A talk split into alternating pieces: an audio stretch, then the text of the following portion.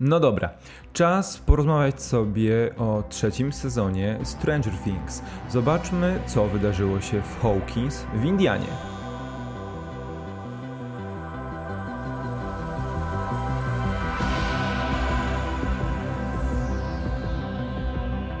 Stranger Things wróciło z trzecim sezonem po 20 miesiącach od premiery sezonu numer 2 i po aż 3 latach od debiutu. Co zmieniło się od tego czasu w Hawkins i w całym świecie związanym z The Upside Down? Bracia Duffer mieli naprawdę sporo pomysłu, jak rozwinąć ten świat, zaczynając w sezonie pierwszym od jednego Demogorgona, którego nasza ekipa musiała pokonać, przechodząc później przez sezon drugi i całą grupę Demogorgonów i Demodogów, e, które, których pokonali dopiero z bardzo dużą pomocą jedenastki. W sezonie trzecim mamy kolejne przeszkody przed naszymi dzieciakami i ich dorosłymi partnerami e, w postaci ponownego otwarcia wrót do The Upside Down i podróży do naszego świata Mind Flayera, czyli łupieżcy umysłów, w formie bardzo skromnej jak na razie, ale jednak stanowiącej wielkie zagrożenie. Należy też wspomnieć, jak zmienił się klimat w trzecim sezonie Stranger Things. No bo sezon pierwszy i drugi to rok 83 i 84 i akcja tych dwóch serii działa się jesienią. E, późną jesienią w okresie halloweenowo-bożonarodzeniowym. Tutaj mamy całkowicie diametralną zmianę, bo mamy upalne lato, początek lipca, okres tuż i w trakcie święta niepodległości USA, e, co też fajnie pokazuje, jak zmienił się ten świat, bo ta pierwsza połowa lat 80. kojarzona jest w kinie raczej z narodzinami slasherów, bardzo klasycznych horrorów, z tą wielką ponurością w tym obszarze sci-fiowo-horrorowym w kinie. Tutaj natomiast przechodzimy już do drugiej połowy lat 80. i widzimy to doskonale. Widzimy, jak zmienia się świat. Mamy e, wielkie neony, mamy pierwsze mm, centra handlowe, mamy trwałe u kobiet, mamy mm, wiele kolorów i figur geometrycznych na ubraniach, mamy też jazzrobik. Bracia Taffer dobrze wiedzą, jak chcą poprowadzić w dalszym ciągu tę historię e, i na razie dają nam skrawki tego, że faktycznie możemy doczekać się epickiego finału, który pozostanie z nami na zawsze. No bo należy sobie powiedzieć, że Większość z nas będzie uważała na pewno sezon pierwszy za ten najlepszy, za ten kluczowy w ogóle w powrocie nostalgii do lat 80. w telewizji i filmie.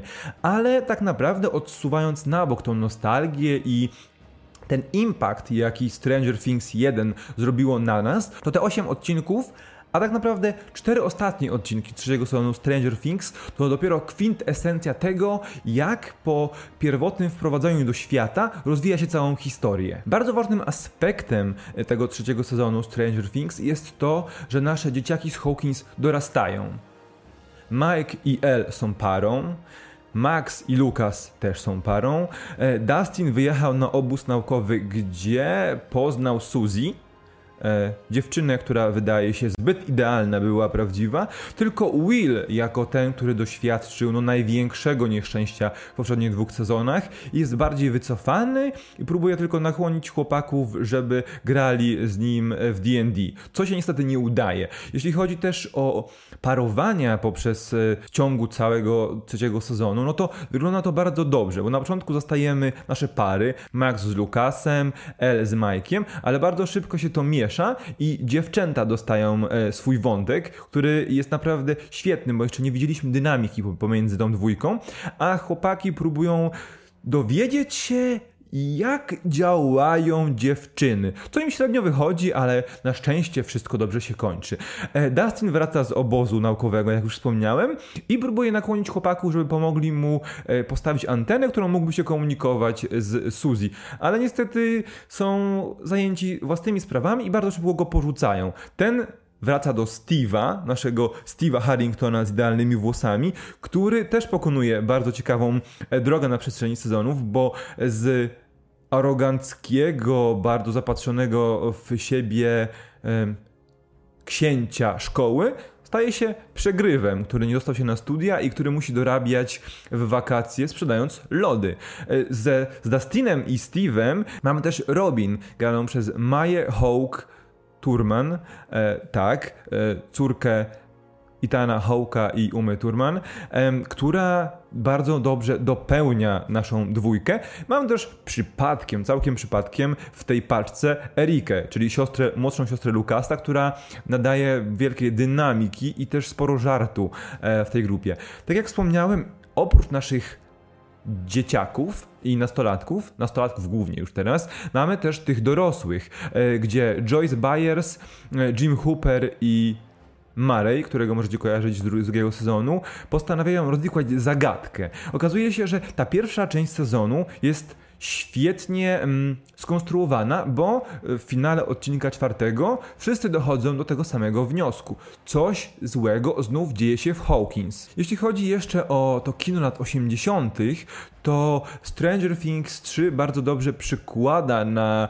swój sposób to, co działo się w tym czasie w ogóle w kinie amerykańskim, szczególnie w kinie akcji, bo jest to powrót motywów związanych z zimną wojną. Znowu Rosjanie są źli, znowu Rosjanie szpiegują, znowu Rosjanie chcą zniszczyć Stany i cały świat i tak samo jest właśnie w Stranger Things 3, gdy okazuje się, że e, Starcourt, czyli centrum handlowe, które powstało w Hawkins, jest tylko przykrywką do nielegalnych, niebezpiecznych eksperymentów radzieckich, sowieckich, rosyjskich naukowców, którzy chcą ponownie otworzyć bramę do The Upside Down. No i poniekąd im się udaje, do czego właśnie zmierzamy. Druga część trzeciego sezonu, czyli odcinki 5-8, są przesiąknięte nawiązaniami do popkultury, ale tak się jakoś składa, że to wszystko pasuje do siebie. Mamy tutaj mnóstwo nawiązań do Obcego, do The Fly, The Thing, pojawia się nawet e, nawiązanie do The Mallrats, chociaż to są lata 90. E,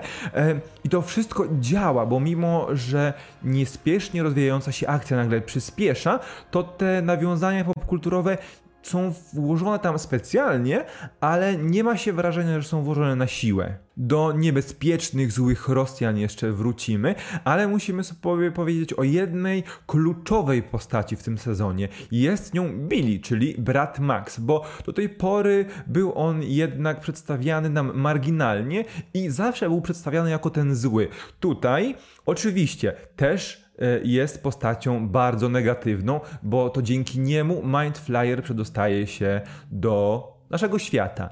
E, na szczęście, albo nie na szczęście dla naszych bohaterów, ta postać, mimo że omamiona przez Hive Mind, pokazuje, że jest bardzo wartościowa dla tego świata. No i też aktor Dakr Montgomery pokazuje, że jest naprawdę dobrym aktorem, mimo że nie kojarzymy go z wcale dobrych filmów. To, co zmienia się w drugiej części sezonu, to to, że klimat zamienia się w bardziej horrorowy, ale nie horrorowy, tak jak powiedziałem na początku, w stylu klasycznych horrorów i klasycznych slasherów, a w bardziej horrorowe klimaty delikatnie podchodzące pod gore, bo raz mamy Mindflayera, który komponuje swoją ziemską postać ze szczątków papek ludzkich. E, dwa, że też nie oszczędza się wcale naszych bohaterów. Nie było chyba postaci, która nie oberwałaby e, kopniaka albo uderzenia w twarz w tej serii. To też pewnie ze względu na to, że nasi, nasi, nasi bohaterowie dorośli, no i też muszą się zmierzyć z bardziej realnym światem. E, L cały czas używa swoich mocy telepatycznych, raz po raz demolując a to żołnierzy, a to właśnie Mindflayera, e, ale w pewnym momencie i ona jest bezsilna w obliczu tego wielkiego zagrożenia. Co do samego finału, bo nie sposób o tym nie wspomnieć. E, finał rozwiązuje jakby wiele wątków, też wywraca status quo w tym uniwersum, bo e, ten świat nam się powiększa. Źli Rosjanie są tam gdzieś, okazuje się, że ten świat to nie tylko mały Hawkins i biała plama, ale jest tam dużo więcej, dużo elementów, które można eksplorować w kolejnych sezonach i które mam nadzieję, że bracia Duffer będą eksplorować w kolejnych sezonach, e, no mamy też na, na pewno sprawę tego, że część bohaterów opuściła Hawkins, więc co teraz z nimi się wydarzy? Jak ci, którzy pozostali zareagują i odnajdą się w tym świecie?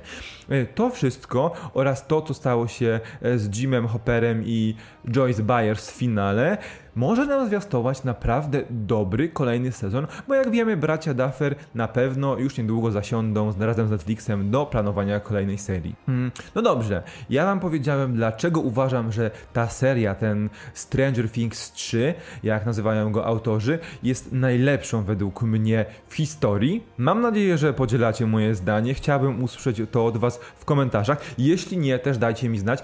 Jeśli podobał wam się ten sezon, albo być może nie jesteście fanami za bardzo tej trzeciej serii, która diametralnie zmienia ton i zmierza w troszeczkę inne klimaty.